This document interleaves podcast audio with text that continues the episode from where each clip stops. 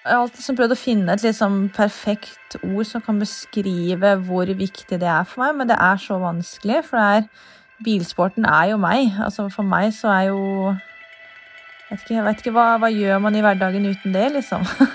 Det er veldig spesielt, og um, det gir meg så mye glede her i livet, og um, ja, det, det er liksom min plass da, i livet. 30 år gamle Karin Elise Fossen har drevet med det hun elsker aller mest i livet siden hun var seks år. Men i mange av de årene hun har holdt på med bilsport, har hun også holdt ut ei bakside. Ei bakside som ingen har turt å snakke om før nå. Grunnen til at det akkurat kom nå, tror jeg liksom bare at det, det bygde seg litt opp, rett og slett. Og så var det nok. Men jeg hadde jo ikke trodd at det skulle bli så stort. Det det var jeg ikke helt forberedt på. Men eh, jeg er veldig glad for at det har blitt sånn som det er gjort nå i dag. Det, ja. Du hører på Forklart fra Aftenposten, og er Marit Eriksdatter Gjelland. I dag er det torsdag 7. januar. Det er 2006, og Karin har bursdag. Hun er 16 år og på rommet sitt med en spennende, hard pakke i hånda. På hyllene henger medaljer fra bilsporten hun driver med, plakater av Spice Girls, Backstreet Boys og alpintkjørere. Ja, det var sånn typisk tenåringsjente. Ja, bortsett fra kanskje alle de premiene mine da, som jeg hadde der. Så um, typisk tenåringsrom, egentlig. Det lange, lyse håret hennes er satt opp i en hestehale, og hun er spent på pakken. Tidligere har hun fått mobiltelefon og MP3-spiller av mannen i bilmiljøet som har hjulpet henne opp gjennom årene. Så nå gleder hun seg og åpner pakken. Jeg husker jo at jeg blei egentlig bare veldig sånn eh, Veldig ubekvemt. Og så For jeg er jo 16 og jeg skjønner jo hva det er. Det er jo ikke sånn at det, Ja. For i pakken ligger en dildo og analkuler.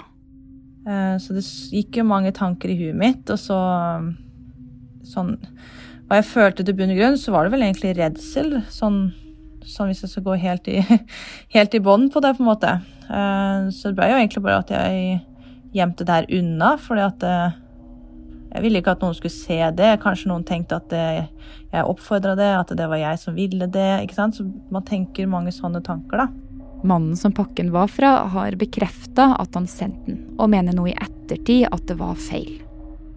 For Karin så er dildoen hun fikk til 16-årsdagen verken den første eller den siste gangen hun opplever at noen i bilsportmiljøet trår over grensene hennes. Det er veldig mange som bare sånn Ja, men har du blitt voldtatt, liksom?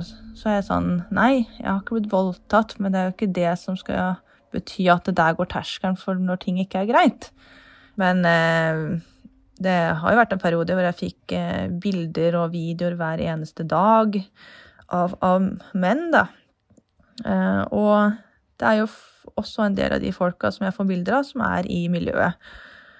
Eh, og det er selv om at jeg er et forhold og har samboer, og det er Folk tar jo ikke noe hensyn til det. Og hvordan har du opplevd det her? Det er jo selvfølgelig at det har gått inn på meg, og um, bærer preg av det. Um, så um, jeg kan kanskje virke veldig tøff og hard utad, ja, men um, det kan jo gjøre vondt på innsida òg. Men Karin, du har jo likevel fortsatt med idretten din, da. Hvorfor det? Nei, det er jo, det er jo den baksida igjen, da. Jeg brenner jo for det her, og det, det er jo livet mitt. Og gleden ved å drive med bilsport, den den, eh, den er så ekstrem. Og um, det er jo ekstremt mye fine folk der. Så det er bare synd at det er noen, uh, noen som ikke klarer å oppføre seg, for å si det sånn. Så i år etter år har Karin fortsatt. Fra gokart har hun gått videre til rallycross, rally, racing, drifting. Rett og slett forskjellige varianter av det å kjøre fort med bil. Og hjemme i garasjen er hyllene full av medaljer etter seire i ulike løp. Hele tida holder hun de ubehagelige opplevelsene hun har hatt for seg selv. Men så en dag står hun og snakker med en mann i miljøet. Jeg hadde jo en seinere hendelse for uh, ikke så lang tid tilbake igjen. Og um, det fikk meg til å skjønne at nå det her uh, Det tar jo aldri slutt. Eh, det gjorde rett og slett at jeg fikk, fikk nok. Og, mm, og, så blei det vel egentlig bare jeg, jeg, har en sånn greie at hvis jeg har noe frustrasjon eller sitter med et eller annet inni meg, så skriver jeg det bare ned på notatet på telefonen min. Og så bare glemmer jeg det, på en måte. Men så klarte jeg ikke å la det her ligge. Så det endte jo med at jeg la det ut på Facebook, ja, på sida mi, da. Og etter det begynner meldingene å tikke inn på telefonen hennes. Etter at jeg la det ut, da, så fikk jeg jo en del henvendelser privat på meldinger i innboksen min av andre jenter, da. Som forteller at eh, de kjenner seg igjen, og de har opplevd forskjellige ting. Og ja, forteller sine historier. Da ble jeg litt sånn Fikk jeg som en litt oppvekker, på en måte. For jeg liksom Herregud, det her er jo et større problem enn jeg, faktisk jeg sjøl trodde.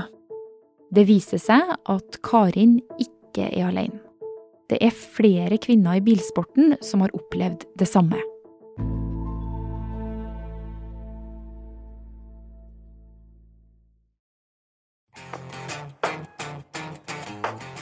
Bilsportmiljøet i Norge er ikke stort. 6000 sjåfører kjører hele året, noen på bane, andre i terreng. Og bare 10% av dem er kvinner. Det tror jeg handler om at eh, det er mer vanlig for foreldre å ta med barna sine til turn, til svømming, til håndball og fotball, enn det er å ta dem med på bilsport. Da er man avhengig av at foreldrene har drevet med det selv. Sånn er det i de fleste idretter og sporter. Samtidig så vet vi jo at eh, kvinner har sagt at er, de føler seg utrygge. Noen kvinner gjør det. Eh, så dermed så kanskje de har vært innom, men de har valgt å gå ut igjen. Så det kan også være en forklaring. Mette Bugge er sportsjournalist i Aftenposten og jobba i fjor høst med å kartlegge seksuell trakassering i bilsporten. Hun har snakka med Karin Elise Fossen, men også flere andre kvinner i det norske bilsportmiljøet. Det er vanskelig å si hvor stort dette problemet er i bilsporten. Eh, fordi det, jeg tror folk ikke snakker med hverandre, og spesielt da i et mannsdominert eh, miljø så er ikke det et naturlig emne å ta opp. Og det var først da Karin Elise Fossen gikk ut da, og med sin post at man ble klar over at det var et problem. Hva, hva er det de forteller, da, de damene du snakker med? De forteller at de er blitt eh, trakassert, og det er på veldig ulike måter.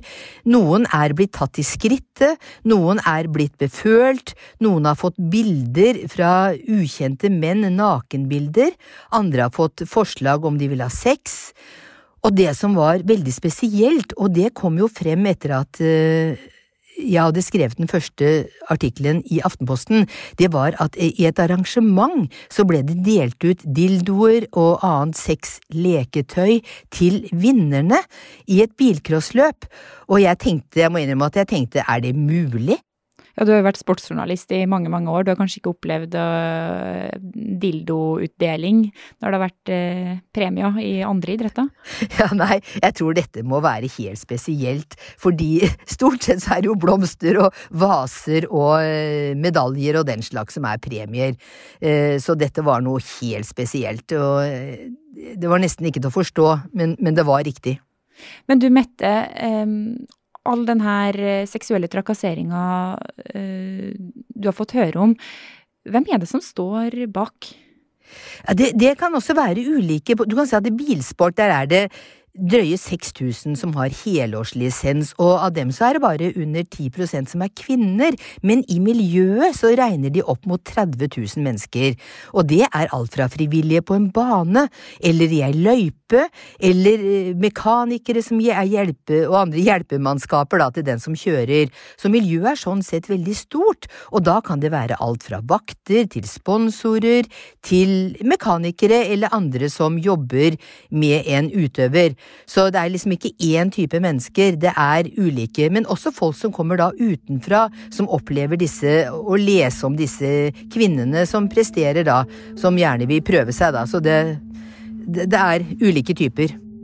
Og noen av mennene som ikke oppfører seg, er menn med mye makt i miljøet. For bilsport kan fort bli veldig dyrt. Kjører du på et høyt nivå, kan det koste flere hundre tusen, kanskje millioner, Og få har råd til det selv.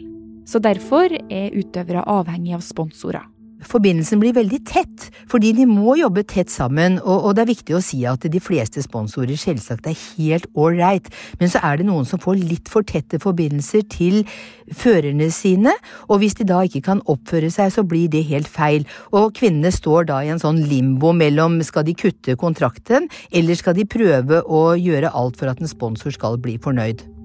Akkurat det her er noe som vekker en del minner. Det er nå over tre år siden kvinner over hele verden tok et oppgjør med seksuell trakassering og skeive maktstrukturer. The metoo movement started out as a way for victims to speak more freely about their experiences. I går kveld kom et opprop fra over 500 kvinnelige skuespillere som tar et oppgjør med ukulturen i norsk TV, film og teater. Den siste tida har den mye omtalte metoo-kampanjen ført til en strøm av påstander om seksuell trakassering ute i verden. Og Kulturlivet starta hele metoo i 2017 og tok et oppgjør med filmprodusenten Harvey Weinstein. Den amerikanske filmprodusenten Harvey Weinstein er nå formelt siktet for voldtekt og flere andre seksualforbrytelser.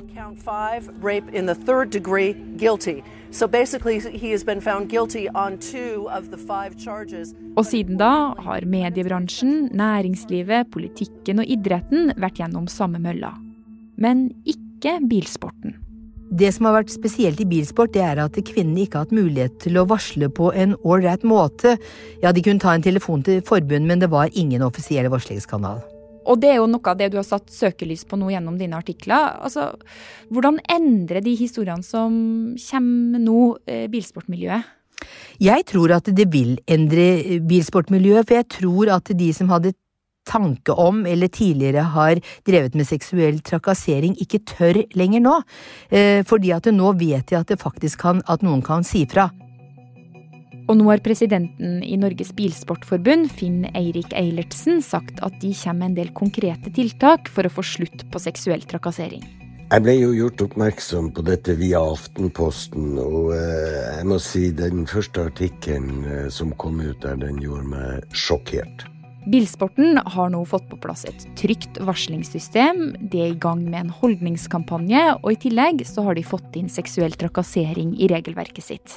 Det er en oppførsel som vi ikke aksepterer og ikke ønsker å ha i denne idrettsgrenen. Med de her nye tiltakene og det her økte fokuset, hvordan vil bilsporten se ut fremover da, Mette? Jeg må si at jeg, er, at jeg, er, optimistisk, fordi jeg tror det betyr så mye at Karin Elise Fossen valgte å gå ut med det hun hadde opplevd, og at det var flere kvinner som sto fram og fortalte om det samme.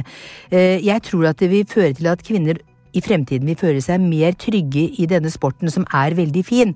Eh, men jeg tror også at man må ha dette på agendaen langt fremme i pannebrasken hele tiden. For det er ikke noe som vil gå over i, i samfunnet. Det vil fortsette, men det er utrolig viktig å, å, å ha det på agendaen og tenke at eh, dette må vi ikke bare dysse ned. Vi må prate om det. Mitt mål, da, det var jo at det skulle skje en endring. Eh, og det har det gjort. Ja, Så hva tenker du om fremtida for kvinner i, i bilsporten? Nei, altså eh, Det var noen som mente at nå ødela jo alt med å gå ut med det her, fordi at eh, nå er det jo ingen jenter som tør å gå inn i det miljøet. Men jeg ser det jo litt motsatt, jeg, da, for jeg tenker jo det at nå kan du jo faktisk gå inn i det miljøet og vite at her er det trygt. Her er det full støtte. Eh, det, ja, det skal ikke finnes noe, noe sånt, da. Så eh, jeg tror jo absolutt heller det blir en motsatt effekt. Da, at flere jenter tør å gå inn i bilsportsmiljøet og starte og mm. Så Og det håper jeg jo òg. Det er jo verdens beste ting å drive med. Så ja. Denne episoden er redigert etter første publisering av presseetiske årsaker.